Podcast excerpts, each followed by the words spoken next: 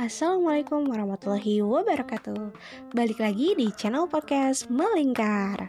Melingkar bareng biar nggak ngerasa sendiri Dan saling berbagi energi positif Biar kita makin positif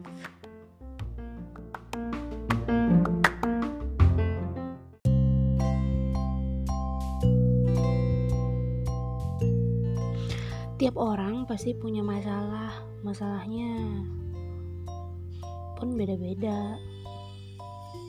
Sendiri-sendiri meskipun dia satu keluarga ada yang dia punya masalah sendiri ada yang emang itu masalah bareng-bareng masalah bersama. Tapi bukan bukan berarti nggak bisa diselesaikan. Tiap masalah mesti ada solusinya. Kadang kalau misalnya ada masalah nih um, biasanya ya kita break dulu. Nggak mau rasanya kayak mikirin itu karena saking mungkin terlalu berat. Ada yang ngerasa kayak gitu. Ada yang mungkin ya masalahnya. Kalau misalnya itu masalahnya berat tapi kalau masalahnya ringan mungkin bisa jadi uh, langsung nyari jalan keluarnya diselesaikan kayak gitu. Tapi buat awal-awal apalagi kalau misalnya ditambah kayak banyak pikiran atau kayak gimana gitu kan misalnya kita ngerasanya nggak nyaman. Intinya belum nemu ide gitu kan buat nyelesain masalah itu ya kan tiap datang masalah mesti nggak nggak harus selalu ini kan nggak harus selalu langsung nemu jalan keluar. Biasanya itu ada proses di mana kayak oh iya uh, kita cari dulu nih akar permasalahannya. Kalau misalnya langsung nemu ya langsung selesai kalau enggak ya udah gitu kan. Itu pasti ketunda gitu beberapa waktu Nah, terus pas kita stres, biasanya hal yang dilakuin tuh berbeda-beda, mengalihkan atau misalnya kayak ya udah menyendiri. Ada yang nulis, ada yang nonton film, ada yang gambar, drawing gitu kan ada yang dia shopping, hangout, jalan-jalan, atau ngobrol sama orang terdekat. Karena biasanya kalau misalnya punya masalah tuh suka ini sih pasti di pengen pengen aja gitu diobrolin gitu. Pengen ada saat-saat gitu maksudnya uh, masalahnya itu diungkapin gitu karena kan kalau misalnya diungkapin tuh berasa kayak ada teman gitu kan. Berasa kayak ada yang oh, oh iya kayak uh, sepenanggungan lah ibaratnya kayak gitu.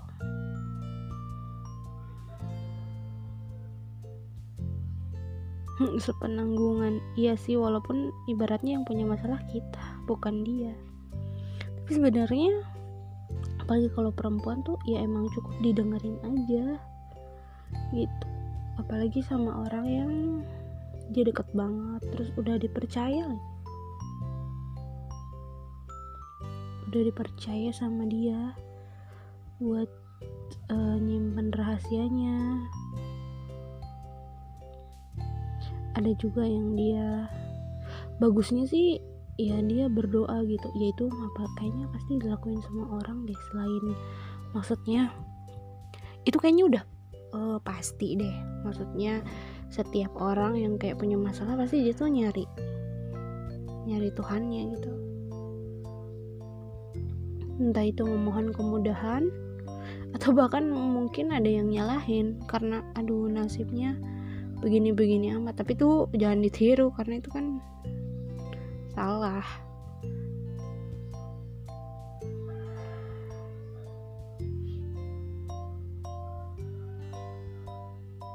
Kita jadi ingat kalau misalnya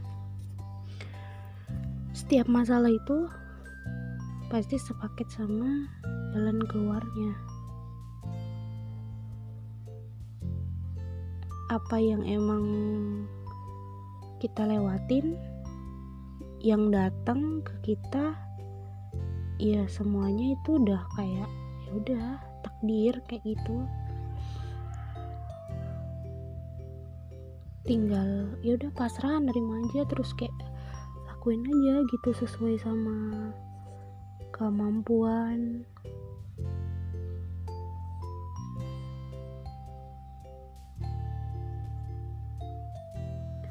kadang malah justru kalau misalnya abis kita cerita sama orang nih itu suka nemu sendiri gitu jalan keluarnya. Mungkin karena kita butuh mengurai dulu ya kan kayak kayak di otak kita tuh uh, berasa tuh kayak benang kusut gitu tau kan? Benang kusut tali-tali kusut gitu kan. Dan kadang sometimes kita perlu menguraikan itu satu-satu diuraikan, diceritain gitu kan. Ya dengan cara itu tadi menceritakan kepada orang yang emang kita percaya. Habis itu ter tiba-tiba nemu deh jalan kok. Oh iya ya kenapa nggak aku kayak gini ya? Atau bisa aja ya dengan ngomong sendiri gitu. Kalaupun misalkan nggak ada yang emang kamu percaya yang ngomong sendiri ngomong sendiri. Ya tapi bukan berarti gila ya. Dia cuman menguraikan aja. Atau kalau nggak mau takutnya dikira uh, gimana gimana gitu kan stres atau gimana ya udah nulis aja.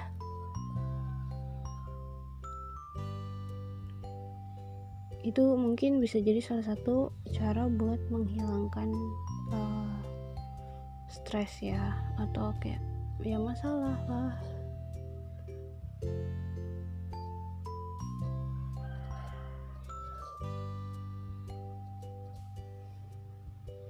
karena kadang kalau kalau kitanya nggak nger kitanya aja nggak ngerti sama masalahnya kita gimana kita bisa nyelesain masalah itu gitu. Kalau kitanya nggak paham sama masalahnya. Kadang kita nggak nggak nggak apa ya sulit untuk menyelesaikan masalah karena kita nggak paham masalahnya. Maksudnya nggak paham di sini tuh kayak bukan bukan berarti kayak iya tahu iya masalahnya kayak gini. Tapi kayak memahami masalah tuh kayak ya sebabnya kenapa sih kayak gitu? Terus uh, kalau misalnya kayak kita ada uh, masalah kayak gini terus apa sih yang harus dilakuin? Kayak gitu kan. Sebenarnya udah ada rumusnya sih. Ya kalau misalnya nggak kita sabar ya syukur tapi kadang hebat loh sama orang-orang yang ibaratnya kayak dia dia tuh susah gitu. Maksudnya ngerasanya punya rasanya ini tuh kayak ujian uh, masalah ujian masalah misalnya yang yang menurut kita tuh berat gitu. Tapi ada orang yang dengan itu tuh kayak malah bersyukur gitu loh. Kan orang mah ya kadang kalau bersyukur tuh uh, apa namanya kalau dia tuh dapat kesenangan kayak gitu. Happy rezeki. Tapi ini ada gitu orang-orang yang dia tuh uh, apa namanya dapat masalah. Tapi dia tuh bersyukur gitu. Ya mungkin dia tahu kali ya makna dari setiap uh, ujian yang datang sama dia ya dia tahu kalau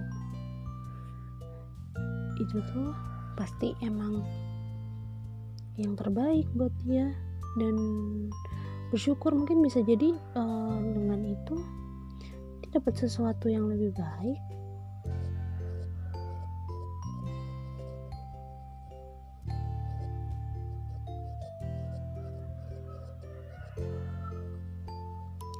karena kan gak semua orang dapat ujian yang sama. Pasti beda-beda.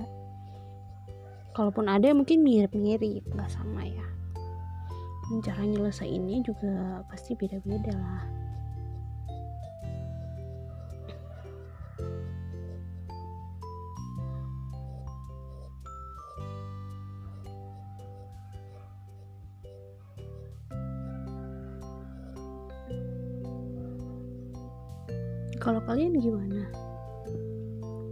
cara kalian nyelesain permasalahan kalian ya kalau ada masalah gitu-gitu.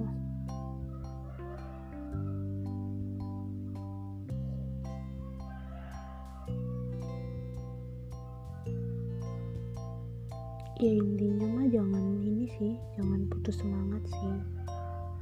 Karena kan kadang yang bikin ini tuh yang bikin down itu ya udahlah ya ampun. Kayak yaudah nyerah nyerahnya tuh nyerah putus semangat gitu bukan maksudnya bukan kayak pasrah ya udah menerima semua keadaan itu gitu. Bahkan ada yang di antaranya mungkin apa namanya dia nggak jadi ngelakuin hal-hal yang negatif. Negatif ya. Ya aku tahu sih itu maksudnya tiap masalah orang emang beda-beda kapasitasnya. Orang-orang juga mungkin karena background dan latar belakang mereka juga gak sama. Orang yang mungkin dia dididik uh, punya pendidikan agama ya mungkin bisa jadi dia lebih tahu lebih paham gitu gimana cara ini terus lebih cepat healingnya. Tapi kalau misalnya orang yang nggak pernah sama sekali atau nggak tahu ya mungkin itu bisa jadi susah gitu sulit.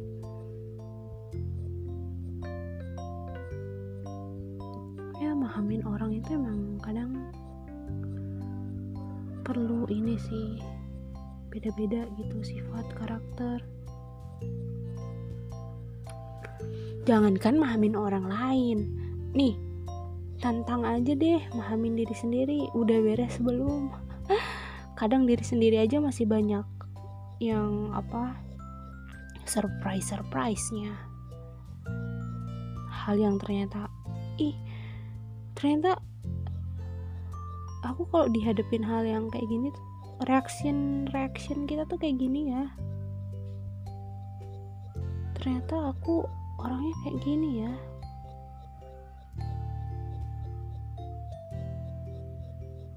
Dan itu tuh kayak perlu perlu uh, ini loh perlu waktu yang sebentar. Kadang malah orang lain teman dekat kita mungkin yang lebih tahu soal kita. Walaupun memang ada beberapa bagian yang Iya kan pasti nih pasti ada aja gitu kan. Hal sedekat-dekatnya kita sama orang ada aja pasti yang nggak diceritain gitu kan. Ya itu wajar sih. Bukan berarti kayak kita yang apa namanya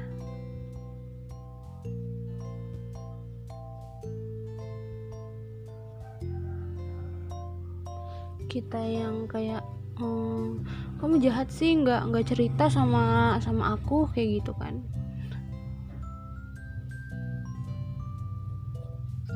ya bukan berarti kayak gitu. Ya mungkin karena ada alasan lain dia nggak mau cerita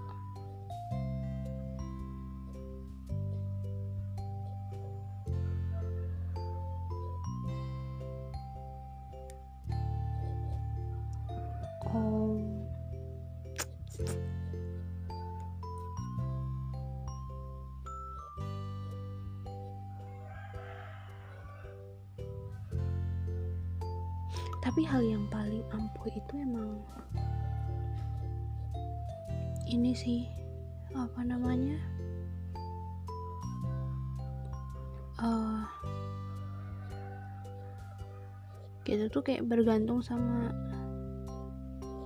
sama Allah gitu.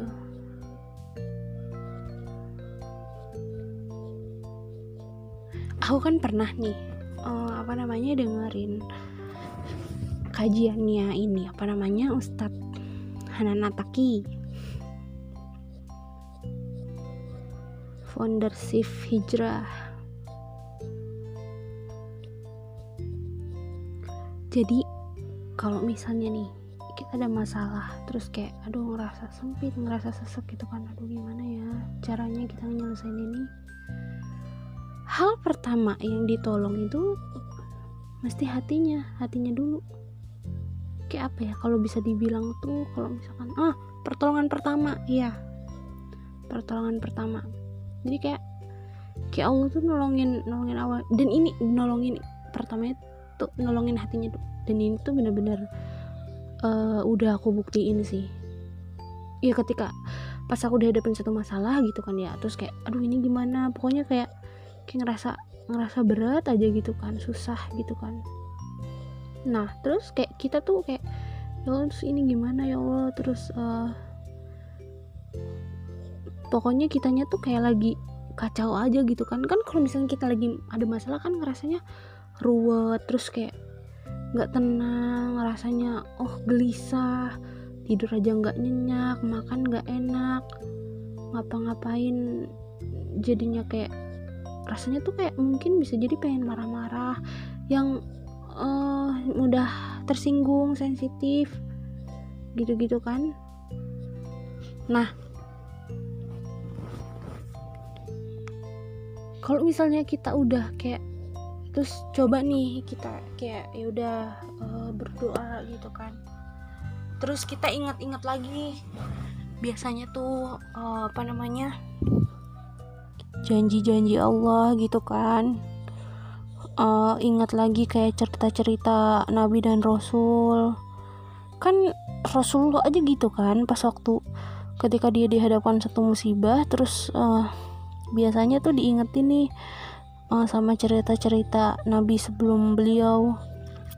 Dan itu bener-bener kayak ngentengin banget loh. Oh, ternyata kayak ternyata ujian yang kita terima tuh nggak separah atau nggak segede ujian nabi-nabi terdahulu gitu. Ya ampun kayaknya kalau misalnya kita diuji kayak gitu bakalan sanggup nggak tuh gitu kan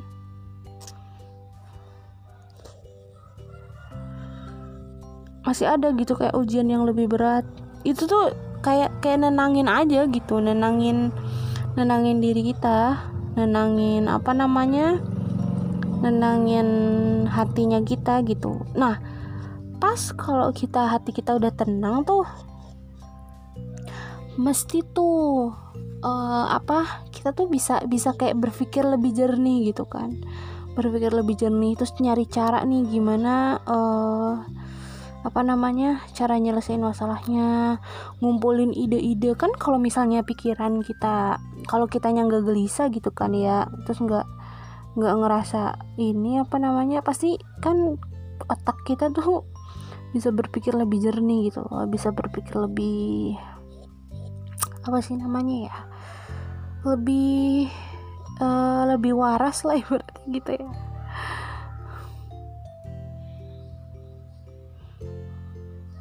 dan daya konsentrasi kita pun lebih uh, apa jadi meningkat. Ya karena itu kitanya uh, ngerasa tenang gitu. Ngerasa rileks ya kan? Biasanya kalau kitanya udah rileks tuh ngadepin sesuatu berasa kayak mudah gitu kan? Berasa kayak ini tuh ya ampun ujiannya tuh kecil padahal cuma kayak gini doang. Lihat aja nih ya pas waktu kita. Contoh hal yang apa ya namanya yang sederhana yang realitanya tuh kayak bahwa sebenarnya kayak masalah kita tuh ternyata nggak sebesar yang kita pikirkan gitu. Contoh nih uh, pas waktu kita lagi masuk awal-awal masuk kuliah kan pasti murid baru tuh pada kayak ya ampun paling ngeluh tugas laporan praktikum. Belum lagi kalau misalnya laporan praktikumnya tuh dikumpulin deadline-nya tuh cuman kayak satu hari atau berapa jam gitu kan. Wah udah tuh.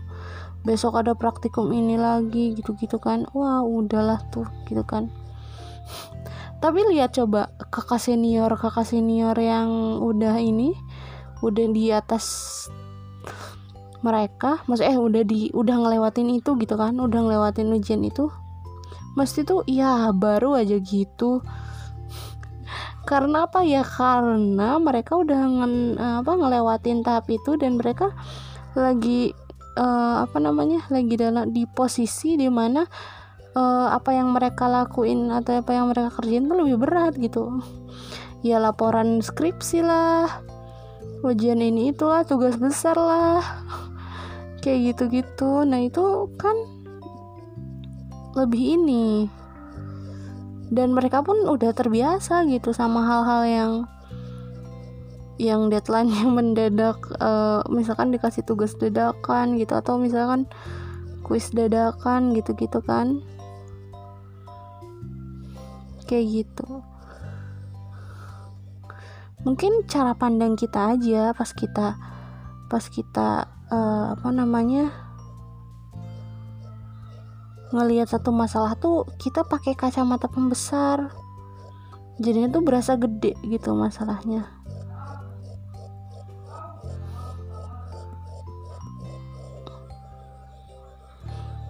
Ya itu karena kamu nggak ngerasain aja apa yang kurasain.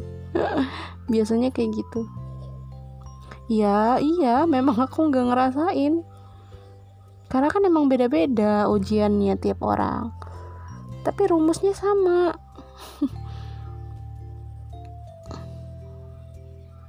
Rumus yang dipakai itu sebenarnya sama aja.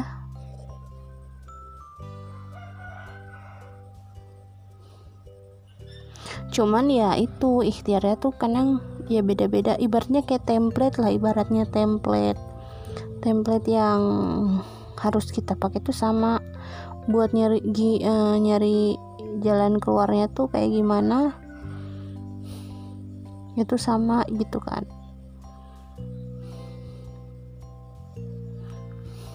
Cuman isi ya, apa ininya aja yang beda. Apa namanya ya kalau di di filosofi kan tuh apa ya? Sebenarnya susah nih ngejelasin karena di otak itu udah ada iya kayak gini. Cuman apa gitu sebutannya? Apa ya? Hmm, tek tok tek tok tek tok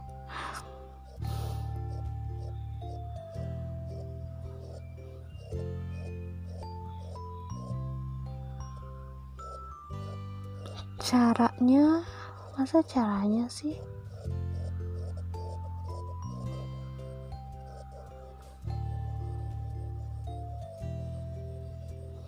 Jadi apa dong? Pokoknya analoginya gini deh. Misalnya kita mau bikin memasak tempe gitu kan caranya gimana? Ya kan kita nggak tahu. Baru aja pertama kali mau masak tempe. Tempe goreng misalnya. Yang pakai tepung mendoan gitu-gitu kan.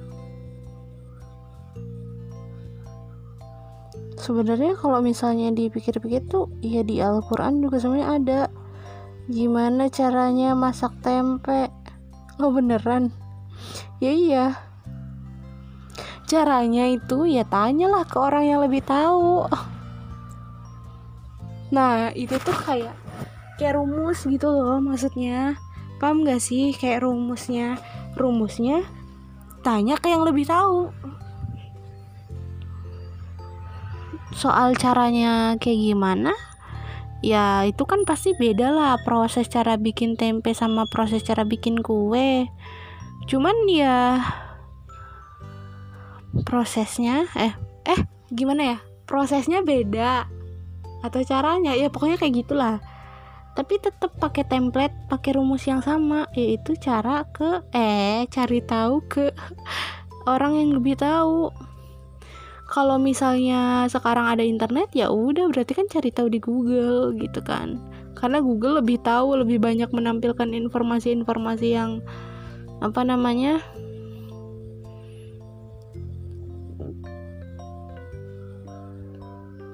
yang apa ya? Yang tersedia mungkin? Ya pokoknya itulah.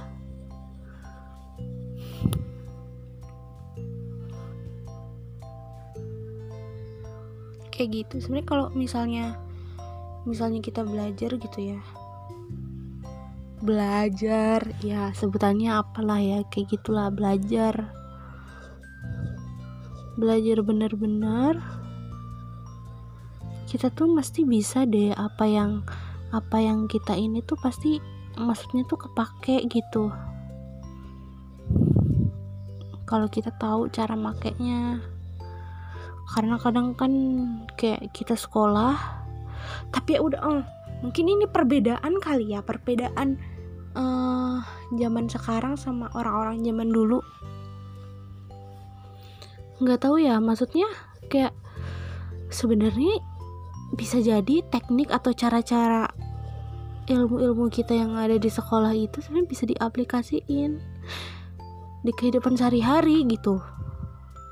Kayak misalnya perhitungan matematika.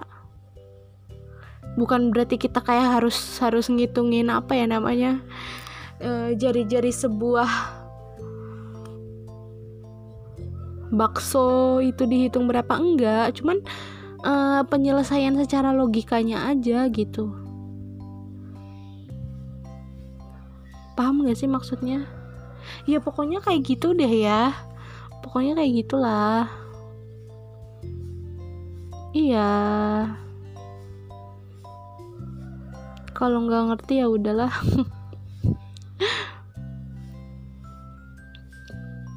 Iya pada intinya kayak gitulah ya. Bisa diaplikasikan itu yang berkah ilmunya. Karena kan uh, apa ya kebanyakan orang itu ya udah belajar cuman buat niatnya cari nilai cari nilai di rapot biar rapotnya itu nggak berwarna gitu kan. Cuman ada satu warna doang hitam nggak ada nggak ada warna merah apalagi kuning hijau kayak pelangi nanti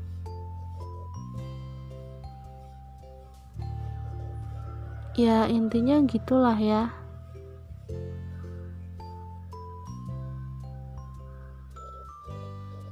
Jadi itu yang salah sih sebenarnya. Karena soalnya semakin ke sini itu semakin kayak ih ternyata um, untuk menyelesaikan itu bisa loh pakai logika rumus logika matematika gitu. Ternyata logika matematika tuh nggak cuma dipakai buat belajar di sekolah aja tuh ngitung uang aja. Ya itu kalau misalnya ini ya uang ya. Maksudnya yang secara nyata. Cuman kayak secara lebih mendalam gitu loh. Secara lebih apa ya? Lebih mendalam ya bahasanya gitulah ya. Secara lebih mendalam itu tuh hmm, bisa dipakai kayak misalnya rumus-rumus logika logika matematika bahkan nih bahkan seni pun itu tuh sebenarnya bisa dihitung sama matematika.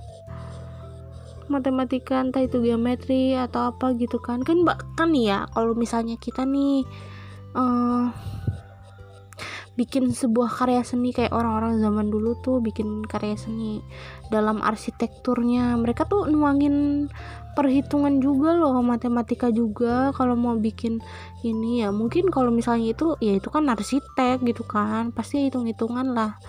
Ya iya sih. Cuman kan hmm, yang emang yang lain gak kayak gitu juga ya.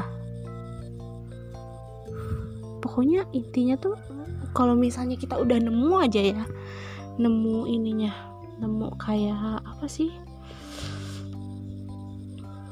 Rumusnya gitu. Karena aku tuh pernah gitu kan kayak cuman aku tuh lupa maksudnya nggak bisa jelasin.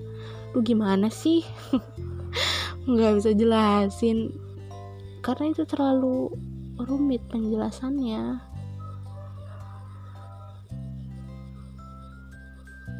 ya ini cuman kayak baru aja baru ngeh aja gitu setelah sekian tahun kayak sekolah. Itu tuh kayak uh, apa sih namanya? Kayak baru aja gitu kan. Dan aku tuh jadi kayak uh, bertanya juga sih. Sebenarnya kalau misalnya kita pakai logika gitu itu tuh bisa membatasi nggak sih? Membatasi kreativitas kita? Aku jadi penasaran gitu jadinya. Ya kan kadang kalau misalnya dalam seni itu harus out of the box gitu kan. Tapi kan kita juga kadang mesti pikir juga kalau misalnya out out out out of the box ini out of the box ini uh, maksudnya bisa uh, bagus atau enggak? Maksudnya kayak berdampaknya gitu kan. Kadang yang out of the box malah jadi kayak tapi perlu juga sih. Tapi bisa ding bisa bisa bisa. Ya kan karena kita kan pakai perhitungan justru uh, kayak logika matematika atau misalnya apa gitu. Itu tuh kayak bisa nyelesain uh, apa ya namanya? Bisa membuat sesuatu yang yang yang terlihat yang terlihat sepertinya. Sepertinya terlihat nggak mungkin tuh jadi mungkin ini aku ngomongin matematika bukan karena aku uh, ahli matematika ya. Enggak sih aku juga nggak pintar-pintar amat. Maksudnya matematikanya. Bahkan waktu itu ya remedi remedi remedi juga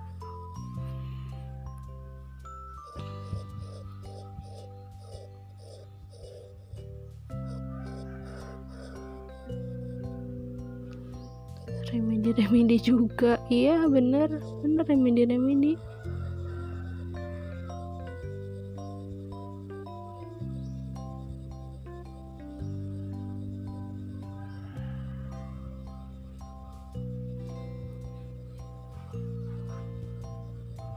apalagi ya? Ya gitulah. Ini jadi kayak ngomongin malah ngomongin matematika ya dari tadi permasalahan tapi ya justru itu masalah itu kadang diselesaikan pakai matematika. Kan logika juga kan dia ada di pelajaran matematika. Kalau misalnya masih inget sih kalian tuh di SMA iya di SMA tuh ada logika kan logika matematika yang apa namanya P atau U terus di bawahnya P. Nanti hasilnya apa? Kayak gitu. Or N logika matematika or N. Kayak gitu. Pokoknya semakin ke sini tuh kayak kenapa ya belajarnya tuh kayak semakin mundur gitu pengen mundur? Maksudnya bukan bukan apa ya bukan hmm, tingkat belajarnya yang uh, mundur ya tapi kayak ya pengen tahu aja gitu dulu proses nah ini nih proses ca atau cara gitu kan. Cara seseorang menemukan sesuatu itu kayak gimana? Kan aduh kok ini jadi ngegas ya kan gini ya. Kalau misalnya orang menemukan sesuatu atau misalnya kayak uh, berpikir oh iya ini kayak gini. Itu kan pasti ada cara atau proses berpikirnya kan? Lewat mana dulu ada jalannya lewat sini lewat sana gitu. Nah itu dia proses uh, menemukan itu tuh kayak gimana. Terus yang aku benar-benar baru apa ya? Baru takjub baru takjub ya baru tahu sih. Waktu itu kalau nggak salah tuh uh, di kajian Ustadz Akmal. Itu kan pernah diceritain tuh pokoknya uh, pas waktu cerita tentang ini apa ya judul kajiannya? Aku lupa sih judul kajiannya apa. Pokoknya Ustaz Akmal tuh pernah bilang gitu kan. Jadi ada seorang ilmuwan muslim namanya juga lupa lagi. Lu emang deh. Ya Allah. Banyak dosa. Jadi lupa. Uh, pokoknya aku nggak tahu sih ilmuwan namanya siapa tapi yang jelas dia tuh ilmuwan muslim gitu kan. Dia tuh jadi pencetus pertama uh, jadi uh, apa namanya penelitian sains di penelitian sains ilmiah lah ya di dunia. Jadi kan dulu kan kayak misalnya nih orang-orang Romawi gitu kan orang-orang Persia itu dulu kan kayak uh, maksudnya para petinggi-petingginya gitu kan. Kalau misalnya ngobrol atau ngomong sesuatu kalau atau misalnya kayak hmm, apa ya bikin sesuatu gitu kan. Itu kan ini apa namanya kayak harus harus lewat lewat ini lewat para petinggi uskup ya kalau nggak salah disebutnya uskup kan sih? Sorry ya kalau salah pokoknya intinya petinggi-petinggi yang ada di gereja gitu kan. Dan awalnya dulu juga mereka tuh menolak sains gitu kan karena mereka nganggapnya sains itu di luar logika gitu. Dan kayak setiap titahnya mereka maksudnya peraturan peraturan peraturan itu yang boleh ini tuh ya cuman ininya aja petingginya aja. Orang di luar itu nggak boleh. Makanya mereka tuh menolak sains kan. Mereka tuh kayak nganggap sains tuh kayak ilmu sihir gitu. Entah kayak gimana. Ya pokoknya ada yang beranggapan kayak gitu. Terus kayak nggak masuk akal masuk logika gitu kan. Logika mereka saat itu gitu. Nah sedangkan dulu tuh di peradaban timur tuh kan banyak tuh ilmuwan-ilmuwan muslim. Bahkan banyak buku-buku yang ya Allah masya Allah di ini tuh uh, ilmu pengetahuannya tuh kayak udah maju lah. Sayang aja waktu itu dibakar. Kan sebel ya. Ya mungkin emang kayak ilmuwan zaman dulu tuh melebihi zaman ya kali ya. Ya Allah keren sih itu kalau misalnya nggak dibakar. Hmm.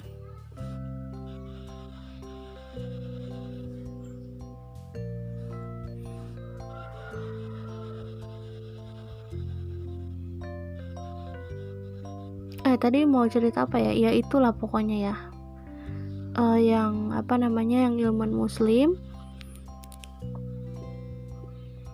Oh iya, ilmuwan muslim penemu ini, penemu apa namanya? optik penemu optik itu tuh siapa ya namanya ntar deh kita cari jadi beliau itu nulis uh, apa namanya gimana cara langkah-langkahnya terus gimana cara dia nemuin pemikiran itu gitu. Itu tuh dicatat detail banget gitu.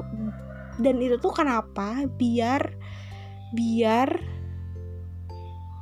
kita tuh bisa ngebuktiin sendiri loh. Maksudnya oh kalau ini tuh bener loh hasilnya kayak gini. Karena nggak menutup kemungkinan kalau misalnya ini tuh kayak masih ada celah kesalahan dan segala macam prosesnya gitu kan dan itu tuh keren banget sih.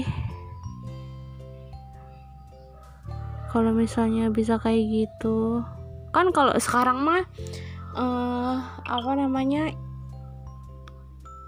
sekarang mah ininya tuh apa ya kayak macam uh, metode penelitian maksudnya gitu-gitu loh. Maksudnya laporan penelitian gitu-gitu disebutnya sekarang proposal penelitian. Nah makanya pas waktu di sekolah itu kita tuh suruh dibikin proposal penelitian. Kadang kan ada yang aduh males gini gini gini. Tapi sebenarnya itu tuh berguna banget. Berguna banget untuk untuk apa? Untuk belajar. Untuk nanti ketika misalnya nih ada orang luar misalnya nih ada orang lain terus dia nemu problem yang sama masalah yang sama gitu kan. Atau misalnya ya kan penelitian kan biasanya diawali dari problem yang diawali dari sebuah problem ya masalah gitu kan. Makanya kan kalau dosen-dosen bilang tuh dulu tuh kayak eh uh, iya cari cari masalahnya dulu lah cari masalah masalah kok dicari gitu kan. Sampai ada uh, omongan yang kayak gitu. Masalah dicari. Kayak gitu. Nah itu tuh biar nanti tuh tahu gitu proses berpikirnya kita tuh seperti apa terus cara nyelesainnya gimana oh kayak gini. Terus uh, nanti kalau misalnya orang lain baca apakah nanti misalnya uh, ternyata oh misalnya ada ide lagi nih ternyata ada teori atau metode yang lebih baik lagi nih buat nyelesain masalah ini gitu kan. Jadi kan nanti kayak terus berkembang segala macam gitu-gitu. Tapi kadang kita kayak nulisnya pun ya gitulah asal nulis aja tanpa kita kayak paham betul-betul sebenarnya tuh kayak gimana. Itu sih yang bikin kayak seneng senang apa ya? Ya ternyata keren ya. Jadi seorang peneliti atau ilmuwan itu oh mantap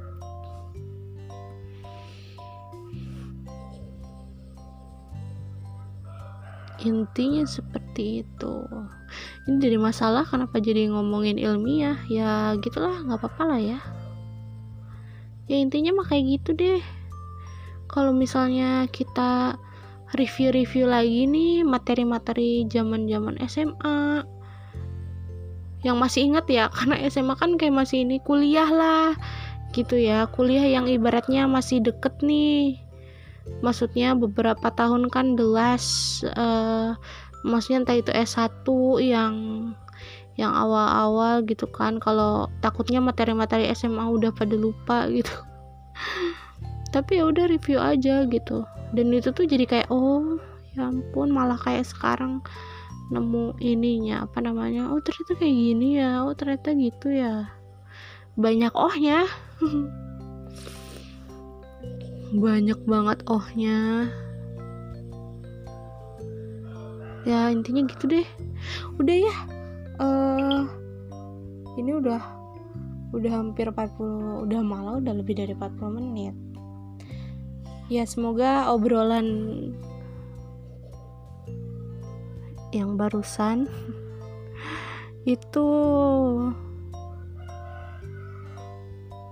bisa bermanfaat ya harapannya sih kan bermanfaat ya. Ya kalau nggak bermanfaat ngapain? Ya intinya gitulah. Ya minimal bermanfaat buat diri sendiri gitu buat ngilangin stres. Jadi kayak ngobrol. Emang nggak punya temen ya? Ya nggak mesti juga sih. Ya kadang kita kan uh, apa ya ada yang nyaman mungkin pas mungkin emang pas lagi nyaman ngobrol sama orang tapi ada juga kayak uh, nyaman atau ngobrol sendiri kayak gitu kan. Tapi itu tadi bukan berarti gila ya tapi ini tuh kayak uh, menguraikan gitu kan. Menguraikan unek-unek lah ibaratnya kayak gitu. Oke okay, itu aja. Bye assalamualaikum